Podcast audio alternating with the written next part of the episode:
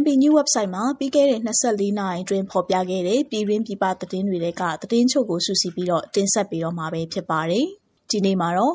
ယခုနှစ်အတွက်အခြေခံရည်ညွှန်းစပါးစီကိုရခိုင်နှစ်ထက်2000ကျပ်တိုးပြီး9သိန်း4000ကျပ်အဖြစ်သတ်မှတ်လိုက်တဲ့ဆိုတဲ့သတင်း။အထည်ချုပ်ဆက်ရုံတွေမိလောင်တဲ့ဖြစ်စဉ်ရှိခဲ့ခြင်းကြောင့်လာရောက်ရင်းနှီးမြှုပ်နှံမှုတွေဟာအနည်းငယ်ရပ်တန့်သွားတယ်ဆိုတဲ့သတင်း။ကလေးငယ်2သိန်းကျော်ဟာ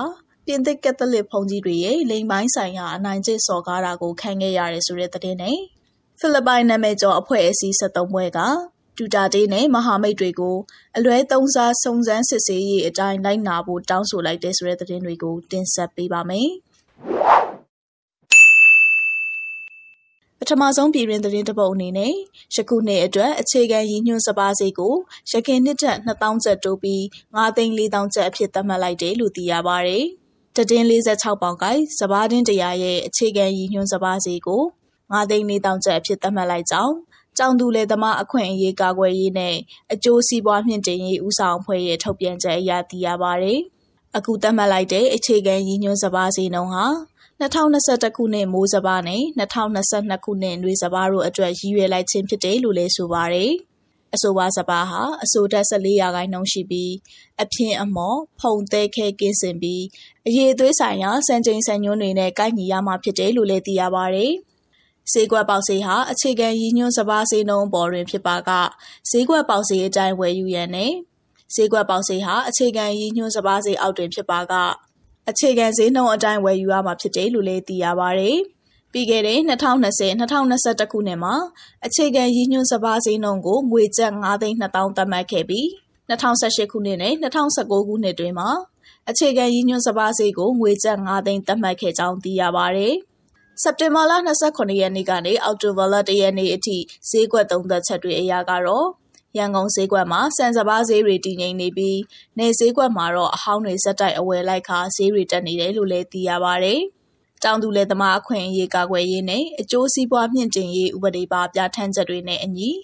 စပါးသီးနှံစိုက်ပျိုးထုတ်လုပ်တဲ့တောင်သူလယ်သမားတွေအတွက်တင်တင်မျှတာတဲ့ဈေးကွက်နဲ့ဈေးနှုန်းဖြစ်ပေါ်လာရေးအတွက်စိုက်ပျိုးထုတ်လုပ်မယ်စပါးသီးနှံအတွက်အခြေခံရည်ညွှန်းစပါးဈေးနှုန်းကိုထုတ်ပြန်လိုက်ခြင်းဖြစ်တယ်လို့လည်းသိရပါဗျ။အခြေခံရည်ညွှန်းဈေးနှုန်းနဲ့ရောင်းချရန်အခက်အခဲရှိတဲ့တောင်သူလယ်သမားတွေအနေနဲ့မြန်မာနိုင်ငံစံစပါးအသင်းချုပ်ရဲ့မြို့နယ်ကိုယ်စားလှယ်များတို့ဖြစ်စီ အသင်းရုံးချုပ်တို့ဖြစ်စေဖုန်းဖြင့်ဆက်သွယ်နိုင်ကြောင်းထုတ်ပြန်ချက်မှာလည်းဖော်ပြထားပါတယ်။ဆက်လက်ပြီးအထည်ချုပ်ဆက်ယုံတွေမိလောင်တဲ့ဖြစ်စဉ်ရှိခဲ့တာကြောင့်လာရောက်ရင်းနှီးမြှုပ်နှံမှုတွေအနည်းငယ်တန့်သွားတယ်လို့ဆိုပါတယ်။ပြီးခဲ့တဲ့မက်လာအတွင်းကရန်ကုန်မြို့မှာရှိတဲ့လိုင်သာယာရွှေပြည်သာမြို့နယ်တို့ကအထည်ချုပ်ဆက်ယုံတွေမှာမိလောင်မှုတွေဖြစ်ပွားခဲ့တဲ့အတွက်အထည်ချုပ်လုပ်ငန်းတွေမှာရင်းနှီးမြှုပ်နှံမှုလာရောက်လုပ်ကိုင်မဲ့သူတွေအနေနဲ့အဆိုပါဖြစ်စဉ်အပေါ်စိုးရိမ်မှုတွေဖြစ်ခဲ့ကြောင်း ရင်းနှီးမြှုပ်နှံမှုနဲ့နိုင်ငံခြားစီးပွားဆက်သွယ်ရေးဝန်ကြီးဌာန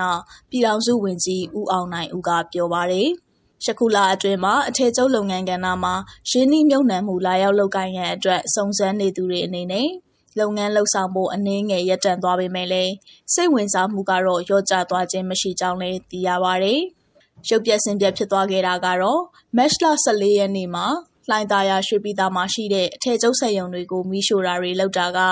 တိုင်းပြည်ရဲ့ပုံရိပ်ကိုအတော်လေးထိခိုက်သွားပါတယ်။တိုင်းပြည်မှာအထည်ချုပ်လုပ်ငန်းနဲ့ပတ်သက်လာရင်ဆွဲဆောင်မှုအရာလာဖို့ပြင်ဆင်နေတဲ့သူတွေရှိပါတယ်။လာဖို့စုံစမ်းနေပြီးတော့ဒီလိုလုပ်နေတဲ့အချိန်မှာပဲအခုလိုဖြစ်သွားတာဟာတော်တော်လေးစိုးရိမ်စိတ်များသွားတယ်။တချို့လူတွေကမဖြစ်သေးဘူးဆိုတာမျိုးတွေအထိတွေးသွားပါတယ်။ဒီဖြစ်စဉ်ကနိုင်ငံသားတွေအတွက်အတော်လေးထိခိုက်သွားပါတယ်။အထည်ကျုပ်ဆက်ယုံတယုံထူထောင်ရင်လူတစ်ထောင်လောက်အလုပ်ရတယ် အဲ့ဒီအချိန်မှာလာဖို့ပြင်ဆင်ပြီးစုံစမ်းနေတဲ့အထည်ကျုပ်ဆက်ယုံကဆယ်ကနန်းရှိပါတယ်။ဆက်ယုံတွေကဒီဖြစ်စဉ်ပေါ်မူတည်ပြီးတော့လာဖို့အတွက်နည်းနည်းလေးစိုးရိမ်စိတ်တွေများသွားပြီးတန့်သွားတာမျိုးတွေရှိပါတယ်။ဒါပေမဲ့လည်းသူတို့ရဲ့စိတ်ဝင်စားမှုကတော့အခုထိမလျော့သေးပါဘူးလို့ပြည်ထောင်စုဝန်ကြီးဘက်ကပြောကြားခဲ့ပါတယ်။မြန်မာနိုင်ငံဟာဥရောပစေကွက်အတွက်အကောင့်ခွန်ကင်းလွတ်ခွင့် GSP အခွင့်အရေးကိုရရှိထားခြင်းကြောင့်နိုင်ငံတကာအထည်ချုပ်လုပ်ငန်းတွေကိုလာရောက်ရှင်းနှီးမြှုပ်နှံလျက်ရှိတယ်လို့လည်းသိရပါဗျ။ အထည်ချုပ်ရဲ့အနေအထားကတိုင်းပြည်မှာအခြေအနေကောင်းတွေအများကြီးရှိပြီးတိုင်းပြည်ကထွက်တဲ့အထည်တွေကလည်းဥရောပဈေးကွက်မှာအကောက်ခွန်ပေးစရာမလိုကြောင်းအထည်ဘလောက်ပဲပို့ပေးရမယ်ဆိုတာလည်းမရှိကြောင်းထုံနိုင်သလောက်ဥရောပဈေးကွက်ကိုပို့လို့ရတယ်ဒီလိုအခွင့်အရေးတွေကထိုင်းနိုင်ငံမှာမရှိဘူးကမ်ဘောဒီးယားဆိုရင်လည်းကျွန်တော်တို့လောက်အခွင့်အရေးမရပါဘူးဒါကြောင့်မို့လို့အထည်ချုပ်တွေကသမရာကြီးဦးသိန်းစိန်လက်ထက်မှာရောပြီးခဲ့တဲ့လက်ထက်မှာရောဂျာကိုအခြေခံပြီးတော့လာကြတာများပါတယ်။ ဒုတိယအချက်ကတော့မြန်မာနိုင်ငံရဲ့လောက်ခနှုံချဖြစ်ပါတယ်။အခုချိန်ထိလည်းဆွဲဆောင်မှုအားကောင်းနေတဲ့အနေအထားမှာရှိနေတယ်လို့လည်းဆက်လက်ပြောကြားခဲ့ပါတယ်။အထူးသဖြင့်အထည်ချုပ်လုပ်ငန်းနဲ့ပတ်သက်ပြီးဟောင်ကောင်နဲ့ကိုရီးယားနိုင်ငံတို့ကစိတ်ဝင်စားမှုအများဆုံးဖြစ်ပြီးလက်ရှိတိုင်းပြည်ရဲ့မငြိမ်မသက်ဖြစ်နေတဲ့အနေအထားတွေကြောင့်သာရပ်တန့်နေခြင်းဖြစ်တယ်လို့လည်းသိရပါတယ်။နိုင်ငံတကာသတင်းအနေနဲ့ ကလေးငယ်နှစ်သိန်းကျော်ဟာပြင်သစ်ကက်သလစ်ဘုန်းကြီးတွေရဲ့လိင်ပိုင်းဆိုင်ရာအနိုင်ကျင့်စော်ကားတာကိုခံခဲ့ရတဲ့ဆိုတဲ့သတင်းကိုတင်ဆက်ပေးပါမယ်။ပြင်သစ်နိုင်ငံမှာလွန်ခဲ့တဲ့ဆယ်စုနှစ်ခုနှစ်ခုအတွင်းခံမှန်းခြေအပြင်အရွယ်မရောက်သေးသူကလေးငယ်ပေါင်း2,16000ခန့်ကိုကက်သလစ်ဓမ္မဆရာတွေကလိင်ပိုင်းဆိုင်ရာထိပါစော်ကားတာတွေကိုပြုလုပ်ခဲ့ကြတယ်လို့အော်တိုဘာလ9ရက်နေ့အင်္ဂါနေ့ကထုတ်ဝေခဲ့တဲ့အစည်းအဝေးခန်းစာတစ်စောင်ရသိရပါတယ်။ ဒါပြင်ဓမ္မဆရာမဟုတ်သူများရဲ့လိင်ပိုင်းဆိုင်ရာသားကောင်များဖြစ်ခဲ့ရတဲ့ကြောင်းသူအရေးအတွက်ဟာတော့ခံမှန်းခြေအဖြစ်3သိန်း3000ထိရှိနေပြီး1950ခုနှစ်ကနေ2020အတွင်းပြင်သစ်ကက်သလစ်ဖျားရှိခိုးကျောင်းမှာအထမပြုခြင်းခံခဲ့ရသူ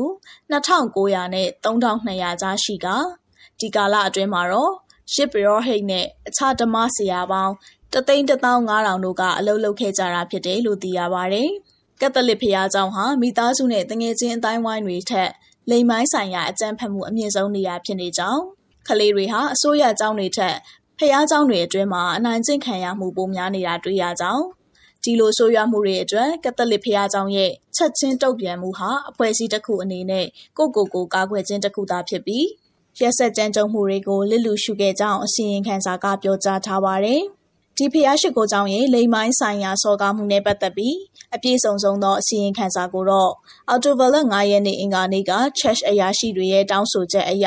လွတ်လပ်သောကော်မရှင်တစ်ခုကပြုစုခဲ့ပါတယ်။ဖျားကြောင့်အတွင်းကလိမ်ပိုင်းဆိုင်ရာစော်ကားမှုကိုလွတ်လပ်သောကော်မရှင်ဖြစ်တဲ့ CIASE ရဲ့ဥက္ကဋ္ဌဖြစ်သူ Jane Mark Survey ကအလွဲသုံးစားမှုပြုလုပ်ခါစနစ်တကျရှိခဲ့ပြီး ဥပမာအားဖြင့်သူ့အုပ်ကနေလမ်းလွဲသွားတဲ့သူ့မဲ့အနှင်းငယ်ကို ကန့်သက်ခဲ့ခြင်းမရှိခဲ့ဘူးလို့လည်း ဆိုပါရယ် ခရစ်ယာန်ဖျားရှိခိုးကြောင်အတွင်းမှာ အရွယ်မရောက်သေးသူတွေကို အနိုင်ကျင့်မှုဟာ ပြင်သစ်နိုင်ငံမှာ လိမ်ပိုင်းဆိုင်ရာ အကြမ်းဖက်မှုအလုံးရဲ့400ခိုင်နှုန်းနှိပါရှိတယ်လို့ဆဗေးကအင်္ဂါနေ့ သတင်းစာရှင်းလင်းပွဲမှာ ပြောကြားခဲ့ပါတယ်။အကြမ်းဖက်မှုအများစုဟာ1950ကနေ1968ခုနှစ်အတွင်း ဖြစ်ပွားခဲ့တယ်လို့ ဆိုပေမဲ့လည်း ဒီကနေ့အထိ ဆက်လက်ရှိနေဆဲပဲ ဖြစ်ပါတယ်။ နှိပ်စက်ညှဉ်းပန်းခံရသူတွေအတွက်ဖြေရှင်းပေးနေတဲ့အဖွဲ့ဖြစ်တဲ့ Labrador Liberal ရဲ့အကြီးအကဲဖြစ်သူ Fansquine Devel ကတော့ Church ကိုယ်စားလှယ်တွေဟာလူသားထုတွေအပေါ်အဆက်တကွဲအကျိုးအနည်းဖြစ်စေခဲ့တယ်လို့သတင်းစာရှင်းလင်းပွဲမှာပြောကြားခဲ့ပါတယ်။နောက်ဆုံးအနေနဲ့ဖိလစ်ပိုင်နာမည်ကျော်အဖွဲ့အစည်း73ဘွဲကဒူတာတေးနဲ့မဟာမိတ်တွေကိုအလွဲသုံးစားလုပ်မှုစုံစမ်းစစ်ဆေးရေးအတိုင်းလိုက်နာဖို့တောင်းဆိုခဲ့တယ်ဆိုတဲ့သတင်းကိုတင်ဆက်ပေးပါမယ်။ ဖိလစ်ပိုင်နိုင်ငံမှာရှိတဲ့နာမည်ကျော်အဖွဲ့အစည်း73ဘွဲဟာအစိုးရရန်ပုံငွေတွေကိုအလွဲသုံးစားလုပ်တဲ့ဆိုတဲ့ဆွဆွဲချက်နဲ့စုံစမ်းစစ်ဆေးမှုပြုလုပ်ရမှာအစိုးရအနေနဲ့ပူးပေါင်းဆောင်ရွက်ဖို့လိုအပ်တယ်လို့တိုက်တွန်းခဲ့ပြီးအထက်လွှတ်တော်စုံစမ်းမှုအတွက်ဝန်ကြီးတွေကိုစင့်ခေါ်ခြင်းမပြုလုပ်ခဲ့ပဲသမရဂျူတာတေးရဲ့အမိန့်ကိုစိန်ခေါ်ခဲ့ပါတယ်။ပညာရေးစီးပွားရေးနဲ့ဘာသာရေးအဖွဲ့အစည်းတွေအနေနဲ့အဖွဲ့အစည်းတွေအလိုက်လိုက်လျောညီထွေဖြစ်စေရန်တောင်းဆိုမှုဟာ အစိုးရရန်ပုံငွေဒေါ်လာ1.3ဘီလီယံကင်တွယ်မှုအတွက်စော်ကားတဲ့ဆွဆွဲချက်တွေမှာအပြင်းထန်ဆုံးနဲ့အကြိမ်ပြန့်ဆုံးဖြစ်စေခဲ့ပါတယ်။ရန်ပုံငွေတွေဟာကျန်းမာရေးလုပ်သားတွေနဲ့ဆေးဘက်ဆိုင်ရာအထောက်ပံ့တွေအတွက်အသုံးပြုဖို့ခွဲဝေပေးထားတာဖြစ်ပြီးထောက်ပံ့ရေးစာချုပ်တွေဘလို့ကင်တွယ်တယ်ဆိုတာကိုပြည်내စည်ရင်းစစ်ချုပ်ကစုံစမ်းစစ်ဆေးနေပါတယ်။ဒါကြောင့်ဒူတာတေးဟာသူ့ရဲ့သဘောတူညီချက်ရယူဖို့ပြီးခဲ့တဲ့လကအမိန့်ပေးခဲ့ပြီး၎ င်းရဲ့အစိုးရဟာရန်ပုံငွေတွေကိုအလွဲသုံးစားမပြုလုပ်ခဲ့ကြောင်းလည်းညင်းဆိုခဲ့ပါတယ်။ဒီစုံစမ်းစစ်ဆေးမှုတွေကိုဥပဒေအရခွင့်ပြုတဲ့အတိုင်းအတာအထိအားလုံးပူးပေါင်းပါဝင်ဖို့ကျွန်တော်တို့ကတောင်းဆိုပါတယ်။ဥပဒေပြုအမတ်တွေအုပ်ချုပ်ရေးဌာနဝင်တွေဖွဲ့စည်းပုံအခြေခံဥပဒေကော်မရှင်အဖွဲ့ဝင်တွေကိုခေါ်ဆောင်သွားမယ်ဆိုရင်တရားစီရင်ရေးအဖွဲ့ဝင်တွေအနေနဲ့လုပ်ငန်းစဉ်တွေကိုရိုးသားမှုပွင့်လင်းမြင်သာမှုလေးစားမှုနဲ့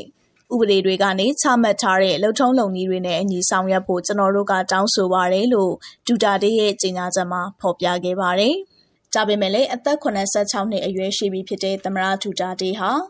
အာဂတိလိုက်စားမှုလုံးဝပပျောက်ရဖို့အတွက်ဂတိပြုထားတဲ့ရွေးကောက်တင်မြှောက်ခံထားရသူလည်းဖြစ်ပါတယ်။ ဒီနေ့မှာတင်ဆက်ပေးခဲ့တာကတော့ MB New Website မှာပြီးခဲ့တဲ့24နာရီအတွင်းဖော်ပြခဲ့တဲ့ပြည်ရင်းပြည်ပသတင်းတွေတဲကသတင်းချို့ကိုစူးစီးပြီးတော့တင်ဆက်ပေးခဲ့တာပဲဖြစ်ပါတယ်။